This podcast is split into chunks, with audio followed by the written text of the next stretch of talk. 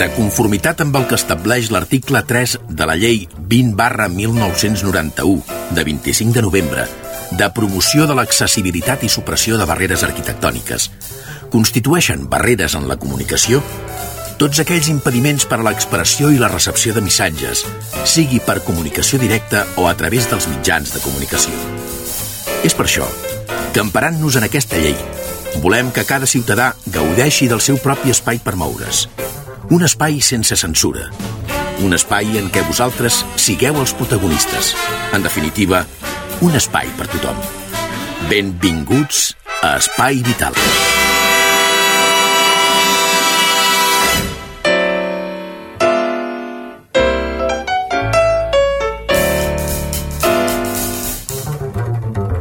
Senyores, senyors, què tal, com estan? Benvinguts, ben trobats, un dia més, a un programa més es diu Espai Vital.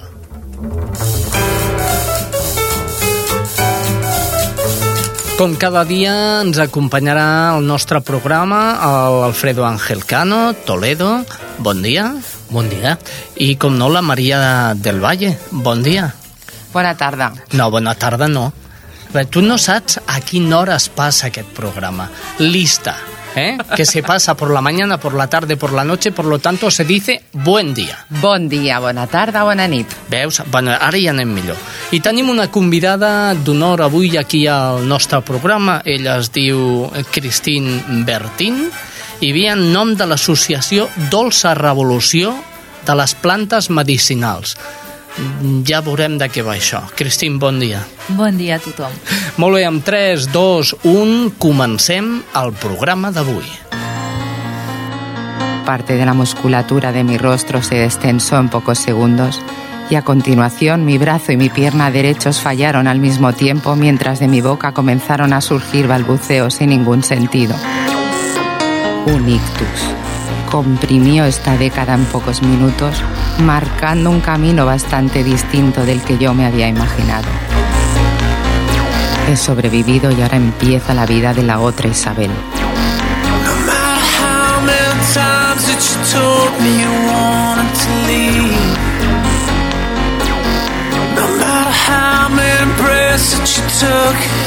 Molt bé, alta sensibilitat. Avui comencen els capítols d'aquest mm, audiollibre, de llibre passat a àudio per ràdio, per, per la Maria, per exemple.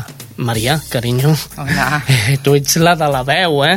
Tu ets la de la veu. Molt la bé. de la veu, sí. Doncs eh, avui, cap a la meitat del programa, escoltareu el primer dels capítols després del pròleg que ja vam passar al programa la setmana passada el primer dels capítols d'alta sensibilitat, una vida rota por el ictus. Una noia amb 24 anys va patir un ictus i a partir d'aquí i fins ara han anat passant una sèrie d'etapes en la seva vida que ella ho explica en aquell llibre i que nosaltres hem convertit en capítols de ràdio.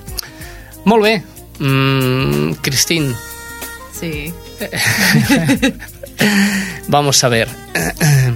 Asociación Dolça Revolució de les Plantes Medicinals. Això sona una mica... Una mica llarg. oi? Una mica llarg, no? Llarg i, i raro, no? Dolça Revolució de les Plantes. Com... de què va això, aquesta associació? Pues va néixer a Balaguer amb el Josep Pàmies arrel d'una trobada que va fer de l'estèvia. No sé si heu sentit de l'estèvia. No. L'estèvia és una planta dolça que quan la menges té gust a sucre. Mm. Llavors uh, s'utilitza per reemplaçar el sucre. I a, a part té un, unes propietats medicinals que són molt bones perquè regula el, eh, el pàncreas, o sigui, la, la insulina al pàncreas. Ah. O sigui que és, és una planta molt interessant per Supos- diabètics, per exemple. Suposo que les plantes són una part importantíssima a l'hora de guarir malalties. En el vostre cas, Sí. com a associació que, que de les plantes revolucionàries eh, eh, s'utilitzen les plantes per guarir moltes malalties que suposo que des de l'associació ja en teniu unes quantes de, de pensades. Sí, a veure, ha sorgit una mica de casualitat. El Josep Pàmies és un agricultor i està fent eh, hivernacles, venen eh, lechugues, bueno, enciams i tota mena de, de plantes. Ecològiques. Ecològiques. I per restaurants, els millors restaurants de Catalunya en, ja, ja reben el seu producte. Llavors, el que ha, ha trobat és aquesta planta que, a més a més, pot, pot aportar moltes moltes solucions a, a gent que està patint eh, pues, infermetats. Llavors s'ha dedicat cada cop més a pues, aquest, a aquest ram de plantes que tinguin pues, unes propietats medicinals. De fet, totes més o menys en tenen. El que passa és que no ho saben. Llavors, en, pues, la idea és una mica pues, divulgar mm, quines són les propietats de, de, de lo que mengem. I així, tornament, fas el medicament a la teva medicina, bueno, la, el teu aliment, la teva medicina. Ah, explica'm una mica més això. El, el teu medicament, no, el, teu, el, teu, el teu aliment... El teu medicament. Eh, és el teu el medicament. Teu, el teu medicament, el teu aliment. Eh, sí. D'alguna manera la filosofia de menjar bé Exacte. és important pel cos, Exactament. però no solament pel cos, sinó per pel també, cap, també pel cap. Sí. Eh, tracteu, tracteu malalties, mm, diguem, amb plantes només, les tracteu amb altres qüestions com l'aromateràpia, la magnetoteràpia, no sé, totes aquestes teràpies, quines toqueu vosaltres? A veure, el tema és que ell és agricultor i es dedica a altres temes. Llavors s'ha creat aquesta associació precisament perquè vingui gent que sigui especialitzada del tema, ah. perquè ell no ho és. Llavors sí que li venen les consultes, però clar, no en sap què fer, llavors està redireccionant amb, amb més gent. També té un blog en el qual pues, recaudeix tota la, la mena d'informació, els testimonis de gent que sí, amb, a través de planta s'ha pogut, s'ha pogut, mm, s'ha ajudat a curar, no? Uh -huh. I llavors el que estem fent és una mica la divulgació de tot, totes aquestes plantes a través de l'experiència de gent que, que ho pot demostrar de que li ha servit. Llavors, a, a Barcelona estem fent la delegació perquè aquesta associació va néixer a Balaguer i com està una mica lluny, per gent d'aquí pues, hem volgut fer una cosa més, més a prop. Llavors estem creant una delegació de Barcelona a, al voltant de tres, tres eixos, no? que serien les plantes medicinals, les teràpies complementàries i el menjar saludable, que en el fons totes es complementen. No? Sí, que aniria més enfocat a prevenció. Una mica així, i també curació, però d'una altra manera. O sigui, es dona la informació a la gent que tingui alguna infermetat de que també hi ha alternatives a la medicina oficial. O sigui, a part de la medicina eh, oficial, doncs, també pots trobar altres eines per, per ajudar-te a cuidar. Perquè si... Ai, perdó, no, no, no, tira, tira. Si ens remuntem a l'antiguitat, jo ara estava pensant que només es curaven amb plantes medicinals en aquella època. Sí, exactament. Sí, És que la, la, la medicina moderna, diem, està agafant uns trossets de la planta, la droga que es diu, no? Uh -huh. I clar, això és una part de la planta, però és que el que val és tota la planta, perquè la planta és un equilibri, no?, en el fons. Tu li estàs traient una part, és com si dius, bueno, pues a l'humà el que li funciona és el cor, perquè és el que fa que funcioni tot. Llavors li treus el cor i, i, i li fiques un altre punt. Pues, el cor sol no funciona, o sigui, necessita també de les altres coses. Llavors és una mica el mateix, no? Per mi és, és agafar la, una part de la planta i dir, bueno, pues mira, ja hem notat que la, la, la part aquesta és la més efectiva, però en el fons és que és el conjunt de la, de la planta. Entrem en matèria. Eh, comencem tractant eh, malalties més comuns que tu hagis tingut al teu voltant o que hagis vist tractar o fins i tot que tu et tractessis. Eh, la gent que ens escolta voldria saber mm, jo tinc mal de cap, per exemple, hi ha alguna planta medicinal que em tregui el mal de cap, per exemple? És que el mal de cap pot venir de moltes coses. Pot venir d'una mala digestió, llavors que la, la, el fet de que tingués aquí aquest, uh, aquest gas no? que pues, provoca que també pot pujar fins aquí. O sigui, el que no elimines al final pues, està quedant com podrit i llavors pot, pot portar toxines que t'afecten aquí. Pot ser que tu has dormit malament, pot ser que tu has begut massa, has sortit i has begut massa, o t'has menjat algun aliment que, que t'està fent mal i, i llavors que és la manera del teu cos que reacciona dient això no, no em va bé. Potser que estàs molt cansat has estudiat molt. Poden ser moltes coses o, sincer, o simplement per exemple que tens problemes als ulls i que no tens eh, les ulleres adaptades i llavors l'esforç eh, que demanes als ulls pues és que Llavors, clar, primer s'ha de veure què és el que hi ha darrere. Llavors, en funció de lo que hi ha, doncs, pots donar una solució. Una planta per tot no n'hi ha. Eh, això és una mica... és una mica una il·lusió, no? Però primer hauries de veure què és el que, què és el que has fet malament, diem, per, per, per arribar a aquest, a aquest estat, no? Primer has de, de veure per què s'ha desequilibrat el teu, el teu sistema, el teu cos. En tal cas, eh, eh, es demana la neteja d'òrgans concrets, com per exemple la neteja de, del fetge. Molta, mol, moltes teràpies d'aquest Sí. tipus el que demana són neteges del fetge perquè el fetge et provoca que la resta del cos no et funcioni i et vagi. Molt bé, quin, quin seria una miqueta eh, la recepta que donaríeu per, per totes les persones perquè intentessin eliminar totes les toxines que porten al cos i, i comencessin a veure una milloria en el seu estat de salut. Vale. Primera pregunta seria per què tens toxines i d'on venen? Poden ser intoxicació de l'aire Sí. i poden ser intoxicació alimentària, o sigui, el que menges porta coses que mm, triga molt al teu fetge perquè s'eliminin.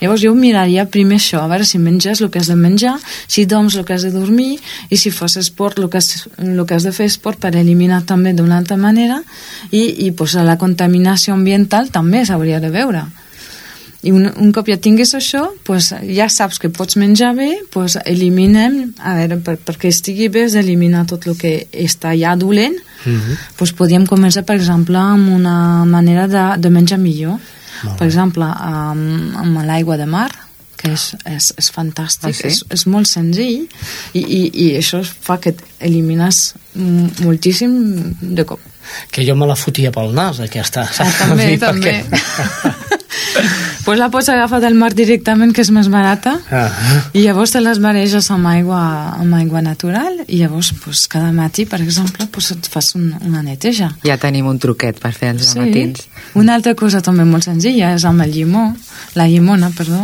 La llimona també es diu que és la- l'aleixia del cos. ah, Llavors també és molt interessant. Al matí, des de juny, pues, ta- també te'n pots enficar una mica de llimona i llavors també t'està netejant. Són trucs que són molt senzills. comencem el dia, comencem el dia amb aigua de mar Mhm. i amb llimona, val? Sí. I dic, va, anem a esmorzar. Doncs mira, amb, amb una infusió d'estèvia, que és el que faig jo cada dia. Encara que no tingui diabetes, pues la diabetes ve d'una desregulació precisament del sucre en el pàncreas per regular la sang, pues lo que, lo que li, li, li dius és que, bueno, pues igualment la regules. Com que hi ha molt d'estrès en les nostres vides, Mhm. pues comences el dia, encara que hi hagi molt d'estrès al voltant, Sí. tu et quedes tranquil. Molt bé, doncs després de la infusió de- d'estèvia, de, eh? Sí. que, que això no ho faré jo mai, perquè jo em foto un bocata, no, no esmorzo, eh, anem cap al migdia, és l'hora de dinar Mhm. i què ens aconselles que fem? pues seria una dieta alcalina, per exemple. La, el cos té un pH que hauria de ser neutre, que és el 7, no? Com sa, bueno, no sé si sabíeu o no, perquè sigui neutre ha de ser al 7. I si va cap a menys de 7, llavors és àcid, i si és més, és més alcalí. Llavors, el cos naturalment s'autoequilibra. Llavors, què passa? Que tu, si estàs menjant massa acidesa, doncs has de buscar l'equilibri alcalí perquè torni a un pH neutre.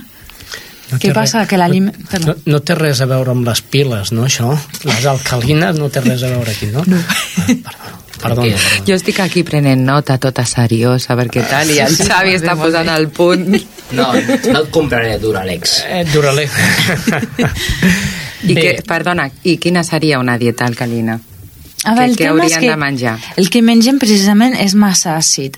Què són els productes àcids? Serien les farines blanques, seria la llet i Això els seria productes àcid. làcteos. El pa, la llet, El sucre, el sucre...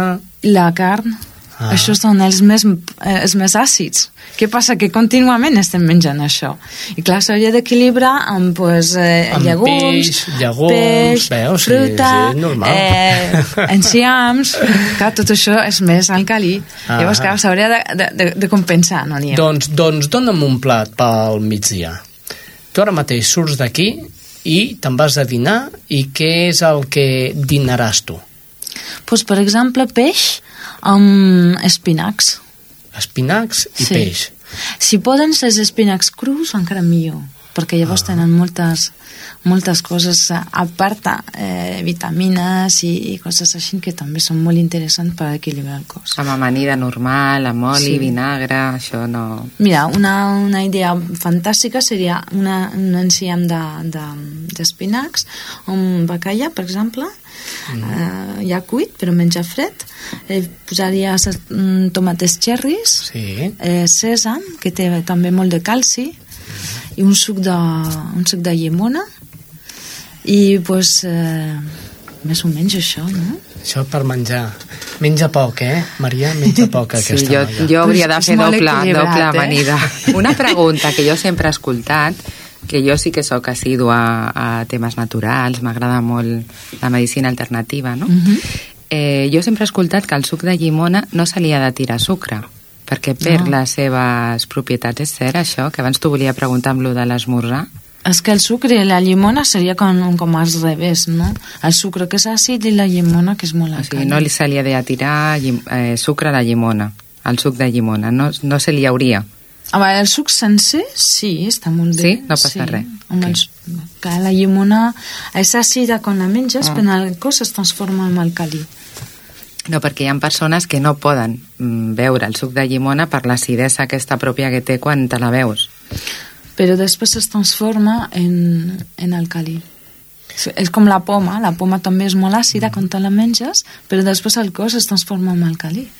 Bueno, i de fet, eh, eh, la llimona, depèn quina persona li crea altres coses. Freddy. Ah, sí? Freddy. Jo m'ho has de dir. Freddy. Explícanos, Freddy. Eh, eh, eres más feo que el Fari comiendo limón. No sé si...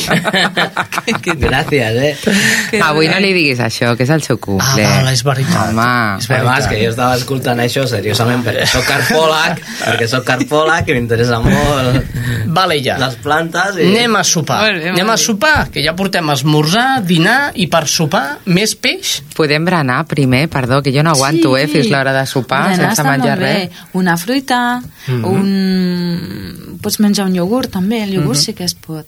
Ah. No és tan, no és tan àcid i ajuda a més a més a digerir i, re, i recomposar la flora intestina. ah. I per sopar?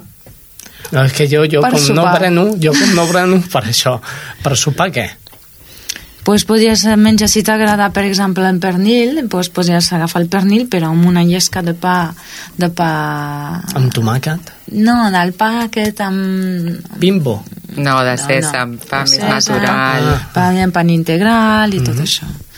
I si tens també pues, una, un formatge d'aquest mm, blanc, saps? Sí, Tam també, també. estaria bé. Doncs molt bé, una dieta perfecta, equilibrada. Fruita. Sí, però tu Eh, passaries gana, eh, Xavi? Qui, jo, jo molta. Home, És que però ningú el ha que parlat passa de... És que, que tens el- l'estómac acostumat, però a la que l'acostumis d'una altra manera, també s'adapta. Eh?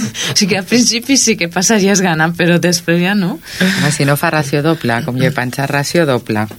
O sigui, la quantitat no t'ha dit ella. Molt bé. Doncs seguiu, seguiu el consell de la Maria. Reacció doble a cada menjar. Una pregunta. Eh, Cristín, pels nens i nenes també podríem oferir aquest tipus de dieta Ui, equilibrada? tant, Sobretot. Sí, sí, perquè clar, als nanos els hi dones que si bolleria amb farines eh, blanques més té, té, té sucre per tot arreu i, i això és dolent que els estàs donant massa, massa acidesa i clar, pot provocar precisament que l'acidesa, el que passa en el cos és que provoca eh, un terreny que és eh, favorable a les enfermetats l'alcalino Clar, llavors, eh, i si estàs provocant que el seu cos sigui receptiu a, a les enfermetats. Clar, ah. per això és dolent. Que dona-li una, una poma, per exemple, els anglesos diuen uh, uh, an apple a day keeps the doctor away. Què uh -huh. vols dir? Vol dir que, que un, una poma al dia pues, es, es allunya del, del metge. I, i, I és ben cert, perquè té moltes propietats que són molt positives. I clar, en lloc de donar-li un, un bollicau, per exemple, pues dona-li una poma o un plàtan. La manera, la manera de que els nens no es facin obesos, per exemple, que és un, un dels grans problemes Clar. a la nostra societat. Molt bé, estem a, aquí, amb tots vostès compartint Espai Vital. Recordin, un programa que es fa per Cerdanyola, Ripollet, Montcada, Barberà, Santa Perpètua i Ràdio Sabadell. Salutacions a tots els que ens escolteu. Eh, jo volia fer una petita parada per escoltar una entrevista que ja tinc enregistrada i que em sembla que us semblarà molt interessant, que parla d'un robot que ha comprat la clínica Tecnon de Barcelona, que es diu Da Vinci, i el que fa és eh, operar a les persones. Bueno, tú dices, bueno, ¿no hay los médicos que operen? Sí, són metges molt especialistes que ara el doctor Josep Maria mm, Vallès ens ho explicarà. Uh, Jordi mira com dient, no, es diu Vallès o no es diu Vallès? És el Josep Maria Pallà. Això, no Vallès, Pallà. És que estàs en el Vallès. Clar, tenim el Vallès una mica enregistrat ja. Josep Maria Pallà, que és el cap eh, mèdic de la clínica Tecnon de Barcelona. Escoltem l'entrevista i ara tornem.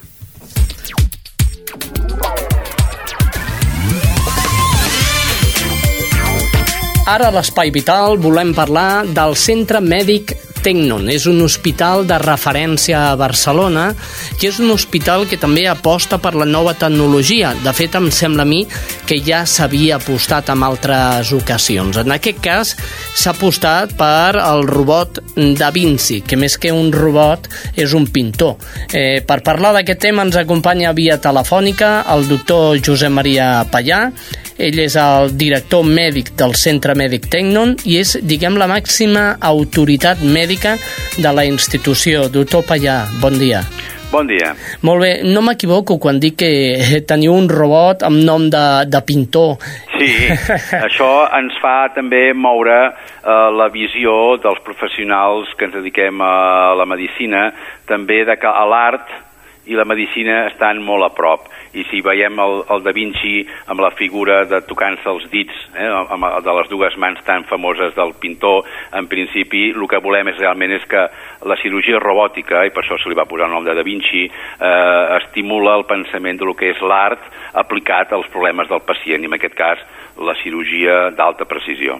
Això vol dir que és eh, tan precís com un pintor, com el Leonardo da Vinci, a l'hora de fer qualsevol operació, o per què destineu aquesta màquina? Uh, el, la, la cirurgia robòtica no és més que uh, un equipament de la millor que podem aportar per l'alta precisió minimitzant molt el risc de les cirurgies. Cada vegada les cirurgies, i l'experiència que hi ha en el món eh, internacional, és que cada vegada intentem fer menys mal al pacient i fer més coses que pugui solucionar els seus problemes, i en aquest cas quirúrgics, i estem parlant quasi molt, molt evidentment respecte a la cirurgia oncològica.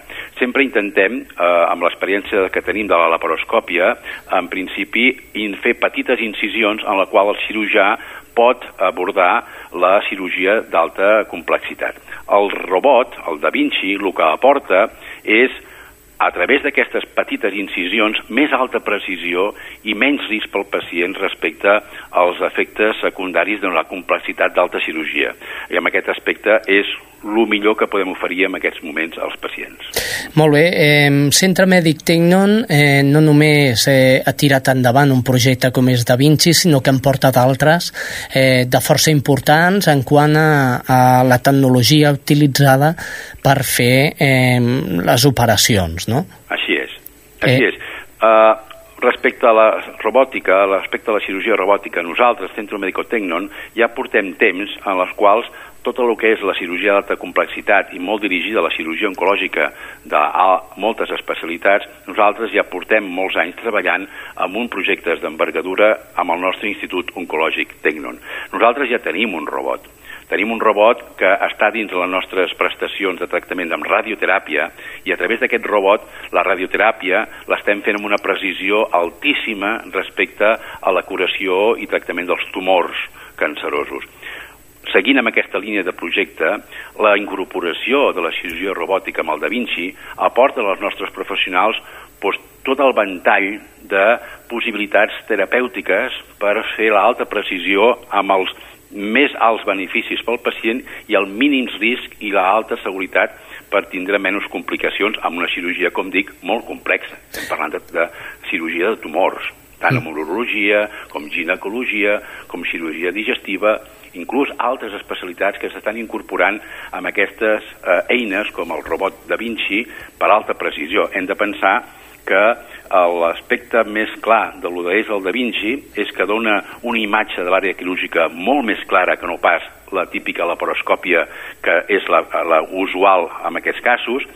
Veiem la imatge eh, a l'hora d'operar a través del robot en tres dimensions, hi ha una alta precisió i elimina el, el, el tremolar que pugui tindre algun cirurgià amb àrees complexes molt profundes del nostre cos i en principi molt important augmenta molt el rang de moviments, supera inclús els moviments de la muñeca, de, de, del canyell de la, del, del metge. O sigui que realment està amb una alta precisió que pot portar aquests beneficis pel pacient. I no solament alta precisió, sinó també eh, incorpora mm, eh, eh, altres eh, novetats científiques i tecnològiques que, que tradueixen una mica a part dels moviments de les mans, inclús ajuda eh, a nivell d'arxiu d'arxiu científic el, el, el poder trobar la solució per a aquell cas, no? Està clar, està clar. Diríem que cada vegada anem més dirigits a aquesta medicina personalitzada que amb el tractament del càncer, com dic, és una qüestió integral. O sigui, nosaltres la cirurgia robòtica és un element més d'aquesta atenció integral al pacient per cobrir les seves expectatives de màxima curació i al nostre pacient li hem d'oferir el màxim i el millor. I aquesta és la nostra aposta. I el benefici que tenim amb aquest tipus de cirurgia respecte a les altres, evidentment, miri, li explicaré unes quantes. S'està menys dies en l'hospital, en principi té menys dolor perquè les incisions són molt petitetes i com és amb alta precisió els teixits sants queden eh, indemnes, no es lesionen. Evidentment hi ha menys cicatrius, no sagnen tant, és poc usual tindre que fer transfusions amb aquest tipus de cirurgia, hi ha menys risc d'infecció i la recuperació és més, més ràpida i se'n van a casa eh, molt més aviat per a poder fer una vida normal. Clar, són realment eh, avantatges i beneficis molt importants amb aquest tipus de pacients. Sí, d'aquí a reure eh, podrem treure un fetge amb cirurgia ambulatòria a través de robots, no? Miri, eh, estem molt al costat d'això. Evidentment, ah. amb els nostres eh, professionals, vostè abans m'ha presentat com el màxim exponent professional de la instal·lació del nostre centre mèdico-tecno. Miri, els grans professionals són els nostres cirurgians i els nostres professionals. L'únic que fa la direcció mèdica és intentar donar-los totes les eines perquè puguin treballar amb el màxim nivell de qualitat i d'excel·lència. És evident de que la cirurgia, el que se'n diu de mínimament invasiva per petits foradets i que puguin entrar aquestes, aquestes cànules i que puguin a, a, a nivell de robòtica a distància poder eh, dirigir bé on fas la, la, la, el, el tall, on fas la sutura, realment això és una precisió extraordinària.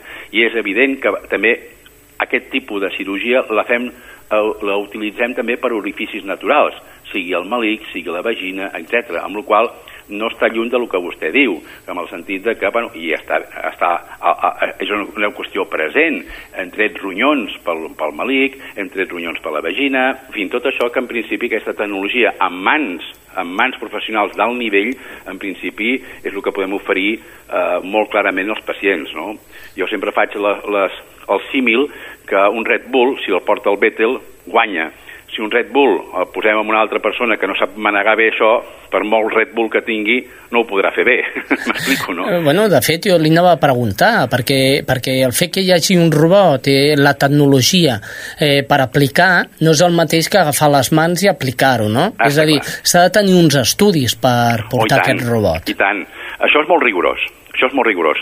La cirurgia robòtica a nivell internacional eh, és molt transparent, és molt clara qui la pot fer anar, quins requeriments, qui està acreditat i qui té les competències, els privilegis per poder fer cirurgia robòtica. No ho pot fer qualsevol professional. Té que haver-hi una experiència, té que haver un rigor en quant donar-li els privilegis de poder utilitzar aquests equipaments i això també és una garantia pel pacient. I això internacionalment està molt estandarditzat. O sigui, eh, per fortuna, el coneixement ara corre més ràpid que a vegades que el nostre pensament i llavors fa que el coneixement es trasladi de manera que el mateix que s'està fent en els països que diríem més avançats en aquests moments, Estats Units, escolti'm, igual que aquí. Llavors els nostres professionals s'han de preparar, els tenim preparats per poder utilitzar aquestes eines, eines d'alta precisió. Molt bé, i tots els professionals de la casa que passin per les seves mans, intueixo que passaran pel Da Vinci. Selectivament. Selectivament. Selectivament. Eh, les... Han de tindre uns requeriments superiors al, mm. podríem dir, amb alguns estàndards, m'explico. Eh? molt bé, esperem... És una especialització molt, molt uh, evident. Do doctor Pallà, esperem que eh, es realitzin pràctiques i que no siguin com les de cotxe, que no, no. molta gent passa i passa, sinó que hi hagi pràctiques de mans rigoroses i, i especialistes en aquest tipus de cirurgia. I tant. Li agraïm moltíssim que hagi atès els telèfons d'Espai Vital. Al contrari, un plaer. I, i, i li desitgem que no solament es quedi amb aquest robot, segueixin més, ja, ja en porten uns quants, però més, més, més, més Aquí tecnologia. Aquí estarem a la, a la seva disposició. Tecnon sempre vella per la salut dels pacients. Moltíssimes gràcies, doctor. Gràcies, una abraçada.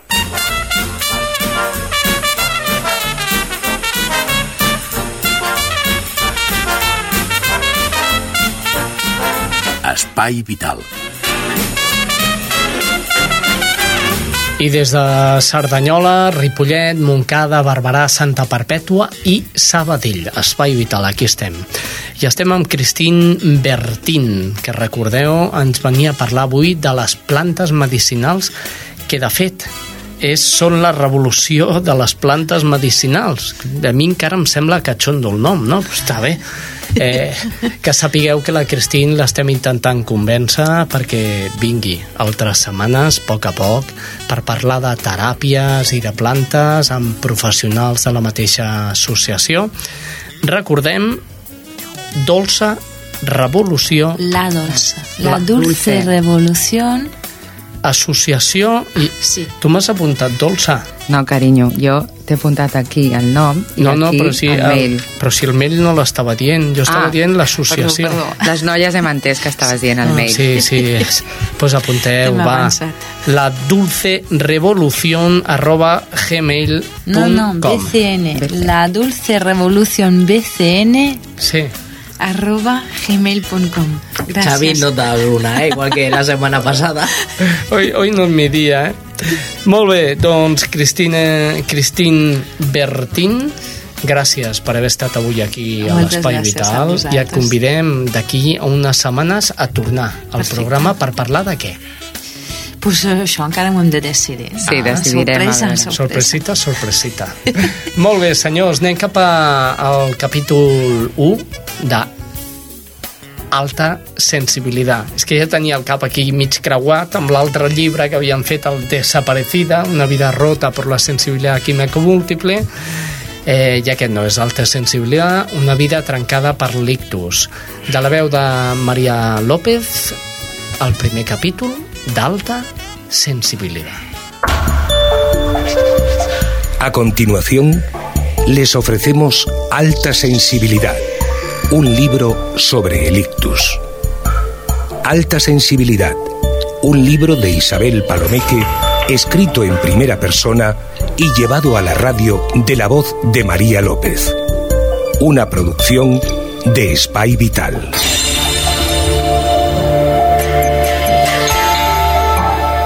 Solo noto mis brazos helados, entumecidos por el helor que me rodea. Aturdida creo que estoy dormida Sí, esto es solo un mal sueño y no hay manera posible de despertarse del todo. Mi cabeza está envuelta en una especie de niebla densa que no me permite distinguir dónde me encuentro, qué ocurre a mi alrededor. Los sonidos, las imágenes, cualquier percepción aparece difuminada y pesada como un televisor mal sintonizado. Por desgracia, la única cosa que consigo percibir con claridad es este maldito frío que recorre cada centímetro de mi cuerpo hasta rozar el dolor. Me llamo Isabel, tengo 24 años, soy enfermera. De hecho, Estoy especializada en atención en la unidad de cuidados intensivos, así que pronto reconozco cada uno de los objetos de la habitación. Observo mi cuerpo desde este estado de semi-inconsciencia. Mis brazos están conectados a vías y sensores, perfectamente alineados con mi cuerpo. Me gustaría encogerlos y cubrirlos con estas finísimas sábanas que tapan el resto del cuerpo, pero no me responden. Hace unos instantes creía estar dormida del todo. Me encontraba en el aeropuerto con mi maleta. Me iba a Menorca. Recuerdo que subía la cinta deslizante para llegar a la puerta de embarque dejando atrás a mi familia. Los miraba extrañada porque todos lloraban desconsolados y yo les decía, adiós, adiós, si volveremos a vernos tranquilos. Aunque reconozco que en mi interior no sabía por qué me iba y sobre todo cuándo volvería. Al final de la cinta se entreveía un túnel, pero siempre me mantenía a la misma distancia. En realidad no conseguí avanzar y por los altavoces me llamaron. Señora Palomeque, en cinco minutos sale el vuelo. Estaba muy angustiada. No llego, no llego, pensaba. Y ahora estoy aquí. Desde el otro lado de la cama, la perspectiva no mejora. Intuyo la presencia de mis padres. Ellos me observan y en sus rostros se refleja la inmensa preocupación. ¿Creen todavía que me voy? Sí, pero no como en mi sueño. Ellos son testigos de los estragos de mi accidente cerebral. Yo todavía no lo sé, pero he sufrido un ictus que me ha convertido en una especie de cadáver postrado en la unidad de vigilancia intensiva del Hospital Valdebrón. De mi cabeza sale un sensor que mide el estado de presión intracraneal. Estoy intubada, conectada a un respirador mecánico que se ocupa de rellenar mis pulmones el resto de aparatos captan los niveles de mis constantes vitales y me mantienen en este estado de sopor que me permite una transición menos traumática del coma a la conciencia, o mejor dicho, a este espejismo de conciencia. Todavía no lo sé. Todavía no puedo hablar. Todavía no puedo moverme, aunque instintivamente quiero arrancarme el tubo de la garganta Hace una semana mi cerebro empezó a sangrar, quizás por una malformación congénita que los médicos no han encontrado. Estoy hemipléjica, no puedo moverme, pero los daños del sangrado no acaban aquí. Todavía no sé, no sabemos qué ocurrirá con mi cuerpo. Ya es suficiente que haya sobrevivido al pronóstico de extrema gravedad. Durante esta semana sumida en el coma, mis padres han tomado las decisiones más duras dentro de su responsabilidad. Tiene pocas perspectivas de sobrevivir. Y a partir de este veredicto, en la mañana de un sábado, se suceden las autorizaciones para practicar todo tipo de pruebas y comprobar dónde está el fallo que ha convertido a mi cerebro en una herida abierta sangrante, aniquilando e invalidando mis preciadas neuronas a su paso. El momento decisivo ha sido la aceptación de la arteriografía una prueba para encontrar el origen del derramamiento cerebral que debería dar respuesta sobre qué me ha ocurrido y qué huellas está dejando sobre mi cuerpo. Esto es lo que los médicos han explicado a mis padres. El inconveniente es que la práctica en sí cuenta con un riesgo añadido de un nuevo sangrado y dadas las circunstancias podría ser fatal. Las estadísticas pesan en las manos de mis padres. El contraste el hecho de introducir un líquido en mi cerebro para detectar la extensión de la afección podría excepcionalmente matarme. Un caso entre 100.000 y 150.000 y la técnica empleada aumenta de forma significativa esta opción. Uno de cada 5.000 pacientes fallece, o bien uno de cada 100 acaba con una nueva lesión cerebral transitoria. En menos de una semana, vuelvo a jugar con la muerte sin saberlo siendo una chica de 24 años que se ha quedado anclada en la cena con amigos del viernes, la última vez que fui consciente. Así que un catéter ha recorrido mi cuerpo, mi cara y mi cerebro, revisando los vasos sanguíneos para hallar el origen de la hemorragia. La exploración ha arrojado más luz sobre lo que no me ha pasado que sobre lo que sí. No hay tumor, no hay aneurisma. Quizás Nací con esta bomba de relojería en mi cabeza, pero nunca lo sabremos a ciencia cierta. Parece que el aspirado de la hemorragia se ha llevado consigo también los restos de mi imperfección cerebral. Ahora me encuentro en la quinta planta del Hospital Valdebrón, Box 1504. Este es el hogar en el que he vuelto a nacer, a la edad de 24 años. Este es el destino de peregrinación al que se dirigen mis amigos y familia cada día desde hace una semana para estar conmigo. Sumida en el coma y con diagnósticos vacilantes, inciertos y con poca o nula esperanza. Por mi parte, mi subconsciente ha decidido no coger el dichoso avión a Menorca y me expulsa del aeropuerto para devolverme a esta habitación de la UCI. La otra cara de la realidad es que los médicos han decidido alterar la combinación de sedantes para despertarme y comprobar con mi participación directa en este infierno cuál es mi estado final. Podría decir algo. A fin de cuentas soy enfermera.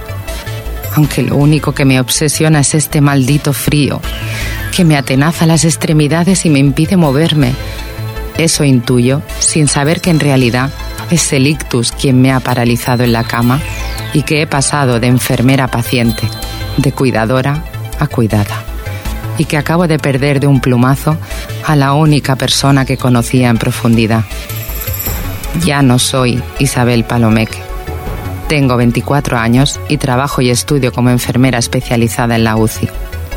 Soy un ser roto y herido. No articulo sonidos. Estoy hemipléjica mi cuerpo demacrado se hunde en la cama y me siento atrapada en él. He sobrevivido y ahora empieza la vida de la otra Isabel, con otra juventud, con otro destino. En definitiva, que ni siquiera sospechaba. Y hasta aquí, Alta Sensibilidad, un libro sobre el ictus. Alta Sensibilidad, un libro de Isabel Palomeque escrito en primera persona y llevado a la radio de la voz de María López. Una producción de Spy Vital. Alta Sensibilidad, un libro de plataforma editorial.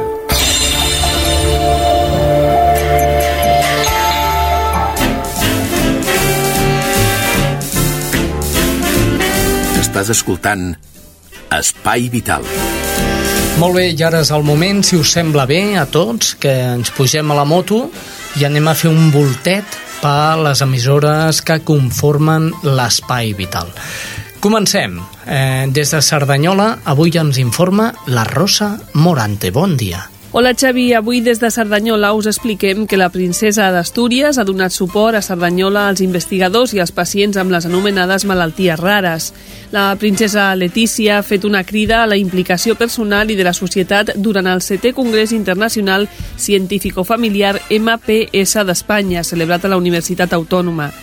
La mucopolisacaridosi, la MPS, són desordres causats per una normalitat genètica. Els pacients manquen de la capacitat de produir un enzim que degrada els mucopolisacàrids, carbohidrats complexos, a molècules més simples.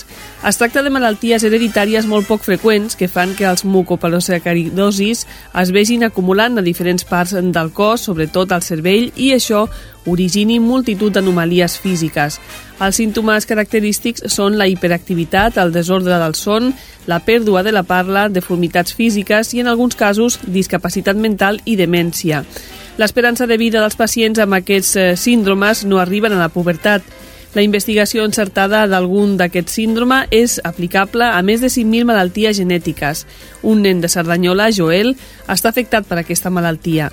La princesa d'Astúries destacava la necessitat de donar suport a la investigació de les malalties minoritàries com la MPS des de l'administració, però des del conjunt d'àmbits de la ciutadania posant com a referència una conversa amb el doctor Joan Massaguer, director de l'Institut de Recerca Biomèdica de Barcelona i un dels investigadors espanyols de més prestigi internacional, la princesa Letícia destacava la importància que institucions, empreses i també qualsevol ciutadà ens impliquem i que dir jo dono també suport a la investigació sigui prestigiós i rellevant perquè la investigació científica és avançar i millorar.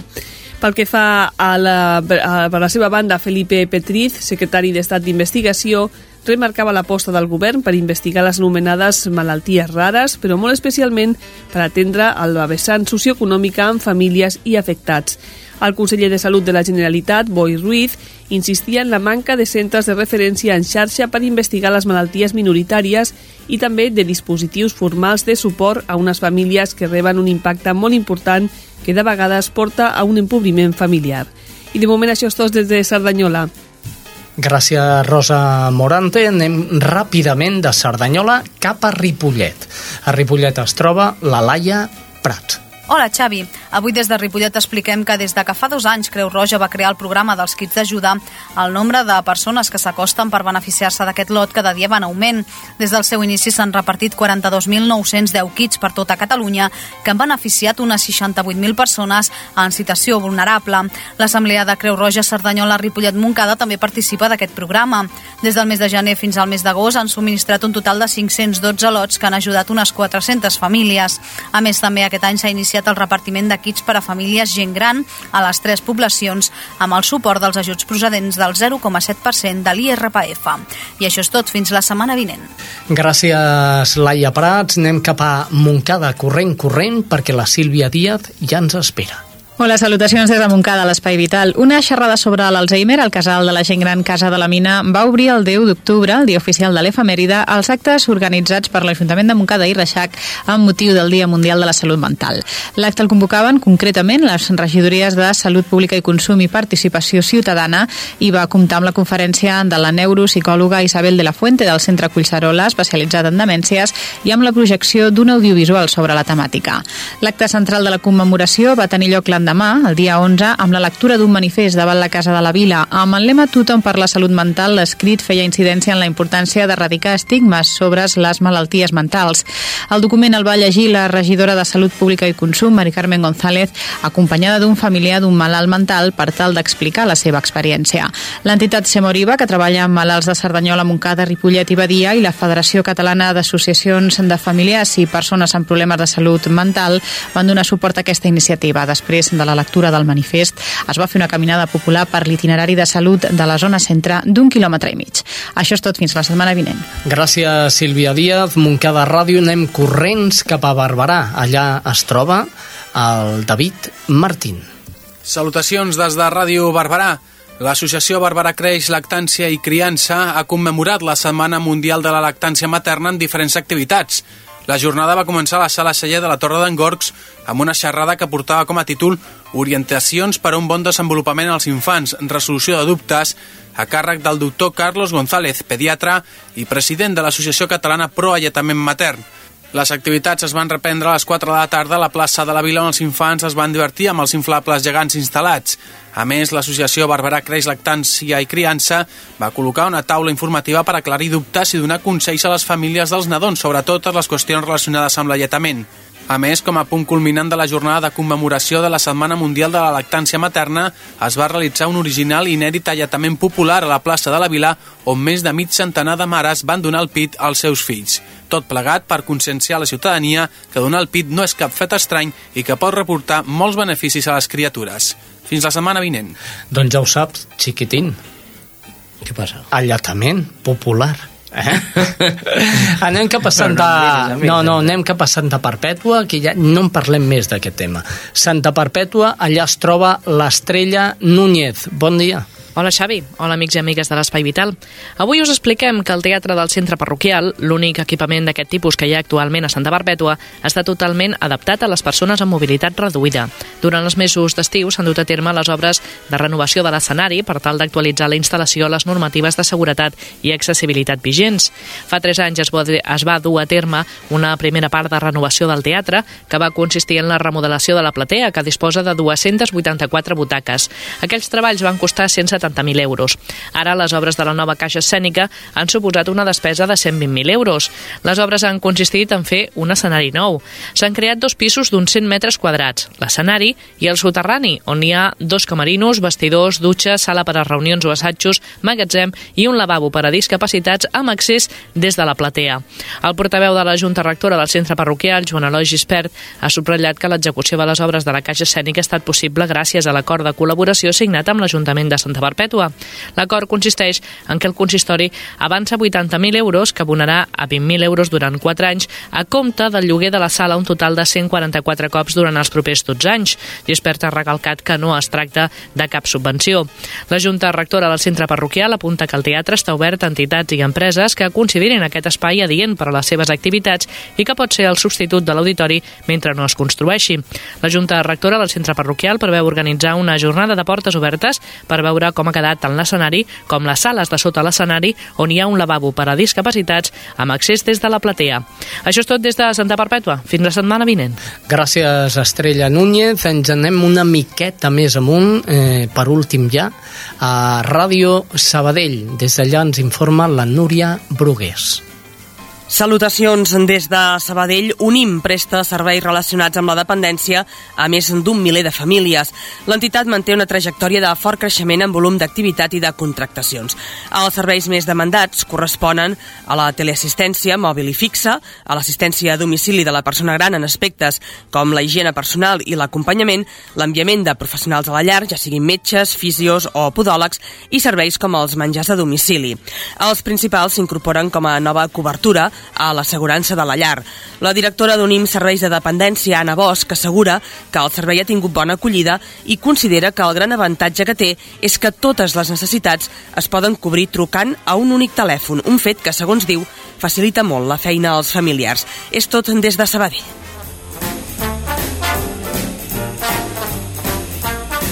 Això és Espai Vital. I jo en diria, això era espai vital. Senyors, acabem aquí. Eh, gràcies a tots els que heu fet possible el programa d'avui, començant pel nostre tècnic, que la Maria em deia que no l'he tractat molt bé, però a ell tampoc li importa. És a dir, mm, Jordi Puy al control, Maria López, gràcies. Gràcies a tu i a vosaltres, i moltes gràcies a la Cristín, que ha estat avui amb nosaltres. I gràcies a vosaltres per l'oportunitat. Ah, només faltaria. I el nostre xiquitín, Alfredo Ángel Cano Toledo. De todos los santos. De todos los santos. I fiestas de guardar, ¿no? Que és lo que decimos. Molt bé, la setmana vinent tornem aquí. Us deixem amb bon dia dels pets. Adéu-siau. Rere el vidre entelat el cafeter assegura que no era penal i es desfà la conversa igual que el sucre del tallat bon dia ningú ha demanat però fa bon dia damunt els caps un sol ben insolent il·lumina descarat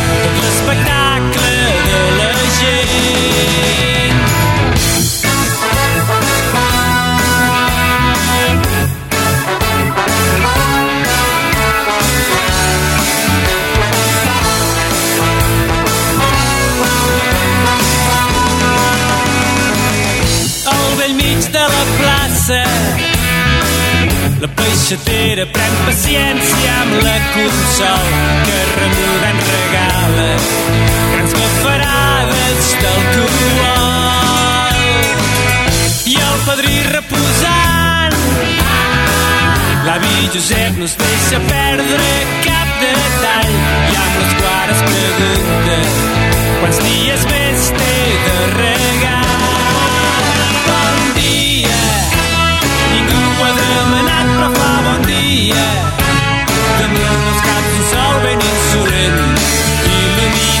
il·lumina descarat tot l'espectacle de la gent. Nens xisclant un lapixun de gat veïnes que un cop has passat critiquen. Gent llançant la brossa d'amagat i un retardat que amb ulls burlet no se't mira i diu